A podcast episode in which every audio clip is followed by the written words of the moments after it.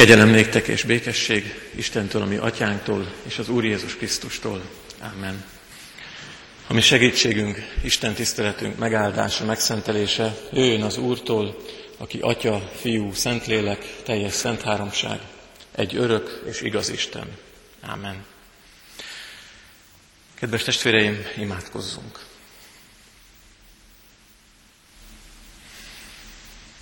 Mennyei atyánk, irgalmas, szerető Istenünk, az Úr Jézus Krisztusban, aki pásztorunk, megváltunk, gyógyítunk és mesterünk, és a Te szent lelked közösségében. Hálát adunk neked, atyánk, hogy minősített időt ajándékozol nekünk, amit ezen az Isten tiszteleten önmagunknak is adhatunk. Köszönjük neked, hogy hozzád érkezhetünk az elmúlt hét sokféle történéséből, eseményéből, a hétvége pihenéséből, mindazt, akik vagyunk, amit magunkban hordunk, ami hatott ránk, és amit kiváltott belőlünk, ezt bízzuk rád, és így jövünk hozzád, így adjuk magunkat neked most is. Köszönjük, hogy te is itt vagy és jelen vagy, és hogy jelenlétedben a te lelked világosságát kérhetjük, Megköszönjük, Urunk, hogy jóságod, gondoskodásod kísért bennünket. Megköszönjük, hogy terheinket, védkeinket, kudarcainkat, mindazt, ami bennünk van, ami nehéz lelkünknek és életünknek, azt rád bízhatjuk és letehetjük most is eléd. Add, Urunk, hogy tudjunk rád figyelni az elhangzó ige, által és annak magyarázata által, és mindezeken keresztül a Te lelked segítségével te magad érkezz meg mi hozzánk. Amen.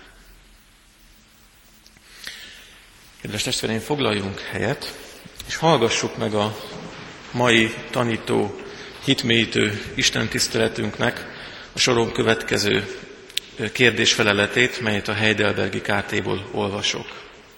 A 64. kérdésfelelet így hangzik. Nem nevele ez a tanítás könnyelmű és elvetemült embereket. Nem, mert lehetetlen, hogy azok, akik igaz hit által Krisztusba oltattak, a háládatosság gyümölcseit ne teremjék. És hallgassuk meg most Isten igéjét, egyrészt a rómaiakhoz írt levél 8. fejezetéből, másrészt pedig az igehirdetés alapigéjét hallgassuk meg utána János evangélium a 15. fejezetének 5. verséből. Nincs tehát most már semmiféle kárhoztató ítélet azok ellen, akik Krisztus Jézusban vannak. Mivel az élet lelkének törvénye megszabadított téged Krisztus Jézusban a bűn és a halál törvényétől. Amire ugyanis képtelen volt a törvény, nem mert erőtlen volt a test miatt, azt tette meg Isten, amikor a bűn miatt tulajdonfiát küldte el a bűnös testhez hasonló formában, és kárhozatra ítélte a bűnt a testben, hogy a törvény rendje beteljesüljön bennünk, akik nem test szerint járunk, hanem lélek szerint. Mert akik test szerint élnek, azok a testiekre törekszenek, akik pedig lélek szerint, azok a lelkiekre törekszenek. A test törekvése halál, a lélek törekvése pedig élet és békesség, mint hogy a test törekvése ellenségeskedés Istennel, mert az Isten törvényének nem veti alá magát, és nem is tudja magát alávetni. Akik pedig test szerint élnek, nem lehetnek kedvesek Isten előtt. Ti azonban nem test szerint éltek, hanem lélek szerint, ha Isten lelke lakik bennetek. De akiben nincs a Krisztus lelke, az nem az övé. Ha pedig Krisztus van bennetek, a test halott a bűn következtében, a lélek azonban életet ad az igazság következtében. Ha pedig annak lelke lakik bennetek, aki feltámasztotta Jézust a halálból, akkor az, aki feltámasztotta Krisztus Jézust a halálból, életre kelti halandó testeteket is, a bennetek lakó lelke által. Ezért, testvéreim, adósok vagyunk, de nem a testnek, hogy a test szerint éljünk. Mert ha test szerint éltek, meg kell hallantok, de ha a lélek által megölitek a test cselekedeteit, élni fogtok. Akiket pedig Isten lelke vezérel, azok Isten fiai. Mert nem a szolgaság lelkét kaptátok, hogy ismét féljetek, hanem a fiúság lelkét kaptátok, aki által kiáltjuk, abbá atyánk. Maga a lélek tesz bizonságot lelkünkkel együtt arról, hogy valóban Isten gyermekei vagyunk. Ha pedig gyermekek, akkor örökösök is, örökösei Istennek és örökös társai Krisztusnak, ha vele együtt szenvedünk, hogy vele együtt dicsőjünk is meg. Másik igét, az igehirdetés tényleges alapigéjét pedig János Evangélium 15.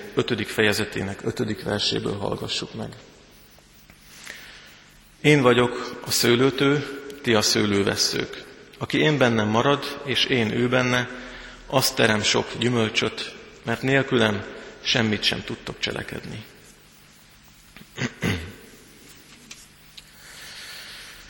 Kedves testvéreim, ahogy hallottuk most a legutóbbi igében, azt mondja Jézus, én vagyok a szőlőtő, és ti vagytok a szőlővesző.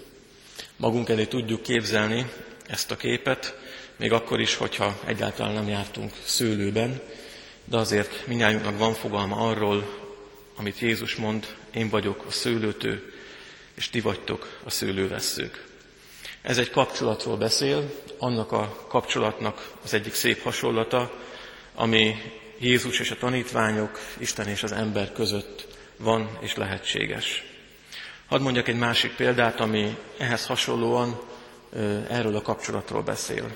Az Isten és az ember kapcsolata olyan, vagy olyan lehet, mint ami ilyen kapcsolat van, és szinte szimbiózis van, és lehet az anya és a magzat között, amit az anya mélyben, a saját méhében, a szíve alatt hord egy édesanya.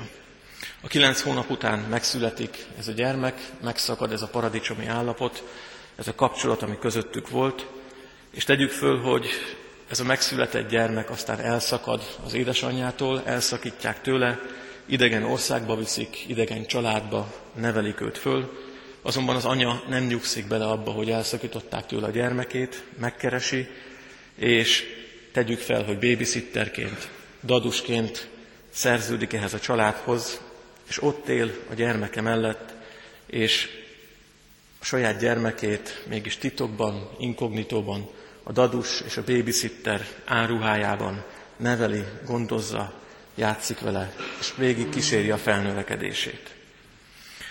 Valami hasonló történik az emberrel, az Istennel kapcsolatban él, az Isten magáénak tekinti az embert, az ember mégis valahogy távol került az Istentől, az Isten nem nyugszik abba bele, hogy az ember nélküle éljen, ezért utána szegődik, és áruhában kíséri az életét, jelen van az életében.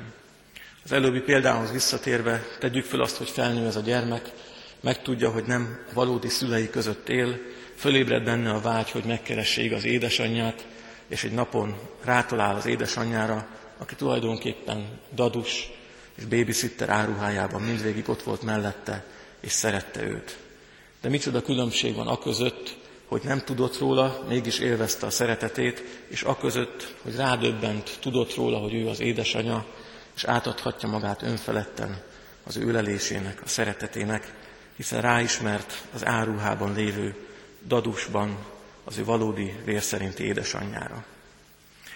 Valami ilyesmi történhet az emberrel akkor, amikor életének egy pontján az életében rejtetten jelenlevő Istenre ráismer, akit olyan régen elveszített, és nem is tudja, hogy ez az Isten mindvégig mellette volt, gondoskodásait szeretete kísérte. Az ember megteheti azt, hogy ilyenkor örömmel, szabadon és szeretettel az Isten karjaiba hullik, felvállalja ezt a kapcsolatot, és ebből egy ápolt, kiteljesedő kapcsolat lesz a most már felismert Istennel, Atyával, vagy pedig megteheti azt, hogy bár felismerte ezt, mégis elutasítja ezt a kapcsolati lehetőséget, és enélkül éli az életét, hiába van mellette az Isten, hiába kíséri őt. Isten minden létezőnek a forrása, és így Isten közvetve vagy közvetlenül szeretete, gondoskodása, világossága, jelenléte által mindenben ott van. Ott van jelenléte, szeretete és jósága, gondoskodása az ételben, amit megeszünk, az italban, amit elfogyasztunk, a ruhában, amit magunkra öltünk. Isten gondoskodása, jósága, szeretete és jelenléte árad az otthonban, amiben élünk, a radiátorban, aminek a melege melegít minket, az emberek gondoskodása, szeretete, aki körülvesz. Ezekben mind Isten jelenléte, világossága és szeretete vesz körül bennünket, és mindezekben Isten közelít felénk áruhában. Milyen nagy az ajándék az, amikor az ember tudatos vagy éppen rejtett vágya összetalálkozik az Isten rejtett jelenlétével, és ebből a találkozásból egy örömmel felvállalt kapcsolat lehet. Én vagyok a szőlőtő, ti vagytok a szőlőveszők, mondja Jézus. De folytatja, és azt mondja, hogy aki én bennem marad, és én ő benne, azt terem sok gyümölcsöt. Aki én bennem marad, és én ő benne, azt terem sok gyümölcsöt. Egy szőlővesző, ha nem marad a szőlőtőkén, akkor önmagában marad, és nem csak önmagában marad, hanem elutasítja életének azt a lehetőségét, hogy általa a saját élete a gyümölcsben teljesedjen ki. A szőlőtőkének nem csak, vagy a szőlőveszőnek nem csak azért érdemes a szőlőtőként maradnia, hogy ne maradjon egyedül, hanem azért is, mert saját szőlővesző léte azáltal teljesedik ki, hogy a szőlőtőként marad, és ezáltal a szőlőtőke minden java átáradva saját magán gyümölcsé teljesedik ki. Hallottuk, megint egy másik példát mondanék, hallottunk sokan a Dzsungel könyve című meséről, amiben egy kis ember, egy Maugli gyakorlatilag az erdőben e, állatok közé keveredik, és ezek az állatok gondoskodnak róla, és fölnevelik őt. Olvastam nemrég egy könyvet, amelyben leírják azt, hogy ez a mese, ez tulajdonképpen valós alapokon nyugszik. Indiában gyakran előfordul az, legalábbis ott több esetet regisztráltak, hogy gyermekek valóban elvesztek, elkallódtak a dzsungelben, és bizonyos állatok, most már nem tudom, hogy farkasok vagy majmok, de befogadták ezeket a gyerekeket, és gyakorlatilag gondoskodtak róluk. Hosszú éveket éltek közöttük ezek a csecsemőkorban elveszett gyerekek, azonban az volt a meglepő, hogy ugyanúgy éltek és mozogtak, mint az állatok, akik körülvették őket. Nem tudtak fölegyenesedni, négy kézláb jártak a földön, állati hangokat adtak ki, ugyanazokat ették, amiket a körülöttük lévő állatok, szinte olyanokká váltak, vagy olyanok maradtak, mint az a környezetükben élő állatok, akik gondoskodtak őróluk. Azt is regisztrálták, hogy néha időben sikerült megtalálni egy ilyen gyermeket, időben sikerült kiragadni egy közegből, és ha újra visszakerült az emberi közegbe, akkor újra föl tudott egyenesedni, megtanult beszélni, ennek következtében a gondolkodásmódja is elkezdett fejlődni, és azzá lehetett, aki ténylegesen ő maga, csak e, emberré, egy kiteljesedett emberré. Ha szétnézünk a mai világunkban, akkor talán ez a hasonlat, ez az analógia nagyon gyakran a mi világunkra is igaz, és nehogy Isten a mi életünkre is igaz lehet. Néha talán mi magunkra is igaz az, hogy nem úgy éljük az életünket, akik vagyunk és akik lehetünk, hanem úgy éljük az életünket, ahogy a környezetünk. Nagyon gyakran a környezetre leginkább ez az állatias gondolkodásmód, viselkedésmód, ösztöllét a jellemző, és az ember elhiszi magáról, hogy csak ennyi lehet az ember, és csak ennyi lehet az ember élet. Azonban, ha jön valaki, aki megmutatja nekem, hogy én tulajdonképpen sokkal többre vagyok hivatott, sokkal több mindennek a lehetősége van meg bennem, mint emberben, akkor hozzá hasonlóvá válva túlnőhetek önmagamon, és kiemelkedhetek ebből a önmagamhoz, emberlétemhez méltatlan árlatlétformából. Bizonyos értelemben, amikor Jézus a földre jött, az Isten képű Jézus, a második Ádám eljött a földre, akkor ugyanezt történt, az emberek elhitték magukról, hogy ők állatiasak és állatias létre lettek elhívva, de Jézus fölmutatta nekik azt a lehetőséget, amire Isten teremtette az embert, és Jézus magához vonzva az embereket meghívta őket arra az ő követése által, hogy lépjenek túl azon, hogy elhiszik magukról, hogy ők olyanok, mint a körülöttük lévő farkosok vagy majmok, túlnőhetnek önmagukon, az Istenre nézve, fölegyenesedve, fejlődve, növekedve Krisztus követése által. Az embernek tehát, és az emberi létnek megvan az a veszélye, hogy sokkal alacsonyabban és alacsonyabb szinten éli meg az életét, mint amire hivatott, de Isten azért küldte Jézust a világba, hogy meghívjon minket arra a valódi létre, amire hivatottak vagyunk, és ezáltal a valódi lét által Krisztus követésében önmagunkon túlnőve kiteljesedjen Istenben az életünk. Hasonlít ez a szőlőveszőhöz, ami a szőlőtőkén van. Ha benne marad, és az is ő benne, akkor túlnő önmagán, és a szőlő tőke a vesző által a gyümölcsben teljesedik ki. Hogy mondjak egy másik hasonlatot, bár azt hiszem ez is elég jól érthető. Ha kezünkbe veszünk egy picinke kis makkot, akkor a makban bizonyos értelemben tapasztalatainkból kiindulva láthatjuk már az abból kinövekvő tölgyfát. A mak az magában hordozza a tölgyfának a lehetőségét, azonban azáltal valósul meg a magában hordozott tölgyfának a lehetősége, hogyha ez a fa vagy ez a mak odadja magát a földnek, kapcsolatba kerülve a földdel, meghalva a földben, és átjárva magát a föld által, e, mégis tölgyfává növekszik ebben a földdel összenőtt kapcsolatban. És ez nem egy állapot, hanem ez egy folyamat. A mak először belehull a földbe, és átadja magát annak, a kettőjük kapcsolatából tölgyfa lesz, azonban a tölgyfának továbbra is feladata a növekedéséhez az, hogy gyökereit mélyre eressze, és onnan táplálékot merítse, és lombját az ég felé és a nap felé terjessze, és abból beszívja magából a napot, amivel szintén táplálkozik és növekedhet. Ez egy folyamat, ha az ember Istennek átadva magát a vele való kapcsolatban, megvalósul az, akivé lehet, az Istenképű ember lesz, akkor növekedik és folyamatos kapcsolat ápolás által, a szív őrzése által, szeretett gyakorlás, az imádság által azzá lehet és azzá növekedhet, akinek Isten megálmodta őt. Jézus azt mondja, visszatérve a mak hasonlatához, amiből tölgyfa lehet, hogy aki meg akarja tartani az életét, az elveszti, de aki elveszíti az életét, én értem, az megnyeri azt. Hogyha ez a kis mag soha nem hull vele a földbe, akkor egy magányos kis mag marad, viszont ha elveszíti az életét azáltal, hogy a földbe hull, tölgyfa lesz belőle, és az élete kiteljesedik. Éppen az önmaga elvesztése által növekszik túl önmagán, és teljesíti be azt, akivé lehet.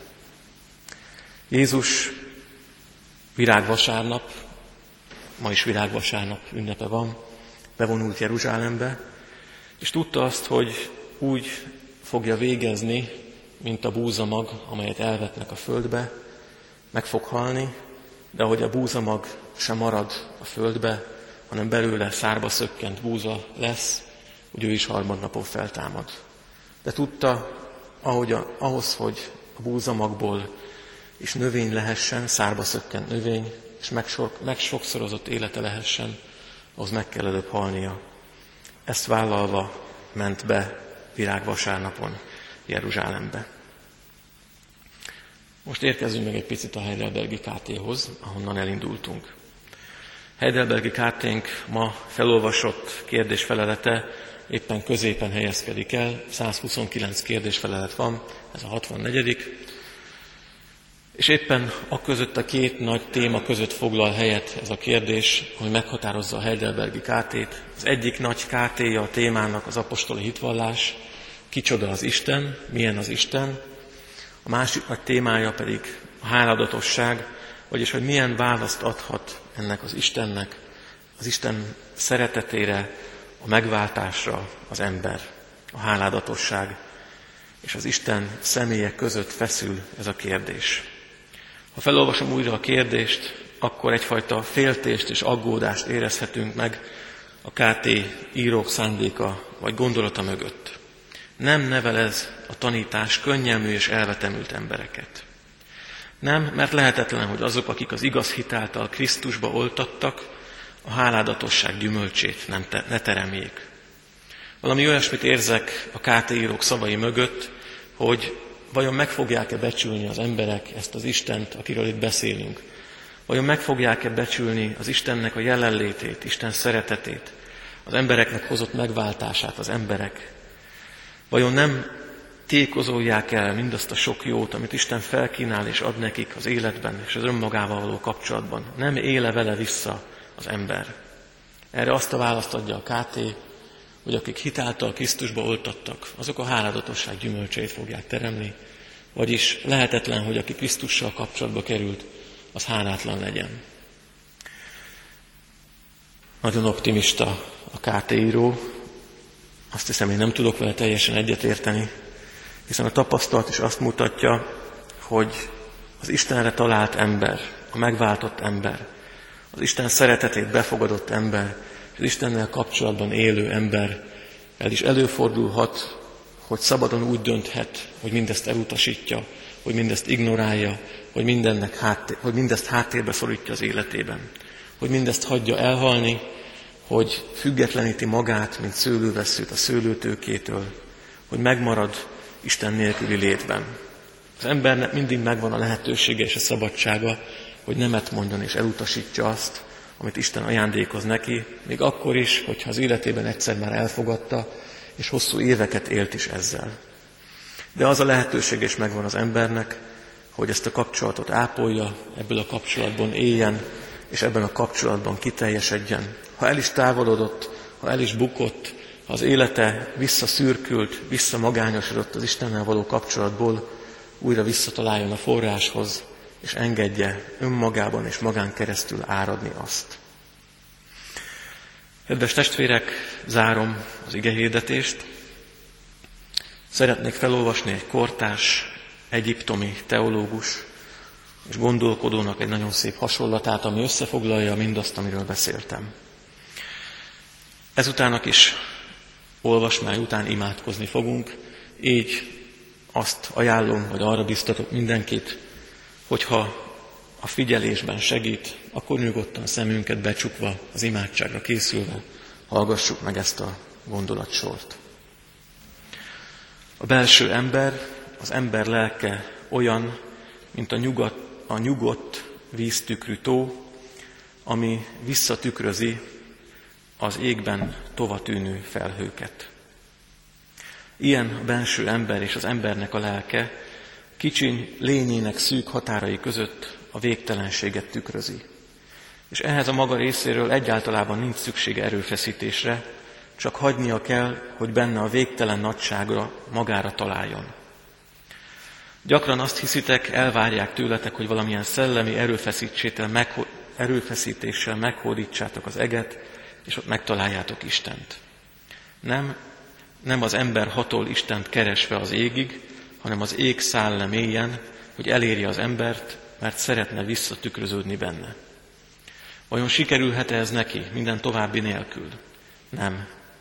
Csak annyira sikerülhet, amennyire az ember megfékezi ideges rohangálását, és eltávolodik kissé napi gondjaitól. Ha a mély benső nyugalom állapotába helyezkedik, és időlegesen tétlenségre szorítja magát. Éppen úgy, amint, ez a nyugodt, amint ezt a nyugodt víz teszi, amelyet itt látunk magunk előtt. Az odaadás, a kiszolgáltatottság magatartása ez. Az eredményt nem befolyásolja mindaz az iszap és üledék, ami a víz fenekén felhalmozódott. Ellenkezőleg a tükröződés mélységét és a megjelenő kép élességét csak növeli a lenti sötétség. Az ember, aki őszintén beismeri igazságtalanságainak és gyengeségeinek sötét dolgait, és vállalja is, amit beismert, az Isten szívéből áradó kegyelem és bocsánat áradatára ad alkalmat, ami új formájában fogja kinyilatkoztatni neki Isten jóságának végtelen mélységeit. Ha valaki védkeit, hibáit becsületesen megbánja és jóvá teszi, olyan bensőséges átalakulási folyamatot fog átélni, ami az igazi lelki megrendülés élvényével ajándékozza majd meg. Saját sötét védke a mindig szerető Isten gyöngétségében kivilágosodik, sőt lelki szépségének forrásává válhat. Minden kegyelem. Isten jelenléte bennetek ki nem érdemelt ajándék, tisztán a kegyelem ajándéka. Ti ezt nem adhatjátok magatoknak, és megvalósulását nem is lehet erőltetni. Nem vesztegethetitek meg semmivel, mert nem engedni magát még a jó tetteitek által sem megvásárolni, még ha a legnemesebb tettek is azok. A kegyelmet csak kapni és elfogadni lehet, és pedig teljes alázattal, teljes beleegyezéssel, és teljes odaadással. Így lesz az ember fényes tükre az Istennek. Imádkozzunk. Mennyei atyánk, aki itt vagy köztünk, aki szívünkbe lát, és szívedből elfogadsz bennünket, rád bízzuk az életünket. Add, Urunk, hogy túl tudjuk helyezni saját életünk középpontját, saját magunkkal túlra, te beléd, mindig felfele nézve rád, és belülről utat engedve neked, tudjunk önmagunkon is túlnőni, és azzá lenni, akivé te teremtettél, és Jézus követve meghívtál minket. Urunk, rossz útra térve gyakran elhagyunk téged. Ezt énekeltük, mégis segíts újra és újra visszatalálni a forráshoz, és benned megújulni. Köszönjük, hogy minden Isten tisztelet, minden ünnep, úrvacsora, imádság és veled való találkozás ehhez segít minket. Imádkozunk most hozzád mindazokért, akik meg, meg vannak terhelve, akik szenvednek lélekben vagy testben. Imádkozunk a betegekért, imádkozunk azokért, akik veszteségeket éltek meg, akik az életükben megoldatlan kérdésekkel, problémákkal és gondokkal küzdenek, akik valahol és valamiben elakadtak. Légy, Urunk, utitársuk ebben is, hogy tisztuljon a kép, hogy meglássák a következő lépést, hogy megtalálják a kivezető utat a megrekedtségekből. Rád bízzuk, Urunk, testünket és lelkünket, életünket, munkánkat, jelenünket és jövőnket, a számunkra fontos embereket, de azokat is, akikkel gondjaink vannak. Rád bízzuk városunk életét és gyülekezetünk életét. Rád bízzuk hazánkat és a földgolyót. Könyörgünk a világ befolyásos embereiért, a vezető és felelős pozícióban lévőkért, hogy a jót szolgálják, és a rosszat visszaszorítsák döntéseikkel. Urunk, hallgass meg minket, amikor egy percnyi csendben elmondjuk neked saját személyes imánkat. Jézus Krisztus nevében hallgass meg minket, aki itt tanított imádkozni. Mi, atyánk, aki a mennyekben vagy, szenteltessék meg a te neved. Jöjjön el a te országod, legyen meg a te akaratod, amint a mennyben, úgy a földön is. Minden napi kenyerünket add meg nekünk ma, és bocsásd meg védkeinket, miképpen mi is megbocsátunk az ellenünk védkezőknek. És ne védj minket kísértésbe, de szabadíts meg a gonosztól, mert tiéd az ország, a hatalom és a dicsőség, mind örökké. Amen. Mi Úrunk Jézus Krisztus kegyelme, Istenünk, Atyánk szeretete és a Szentlélek közössége maradjon minnyájunkkal. Amen.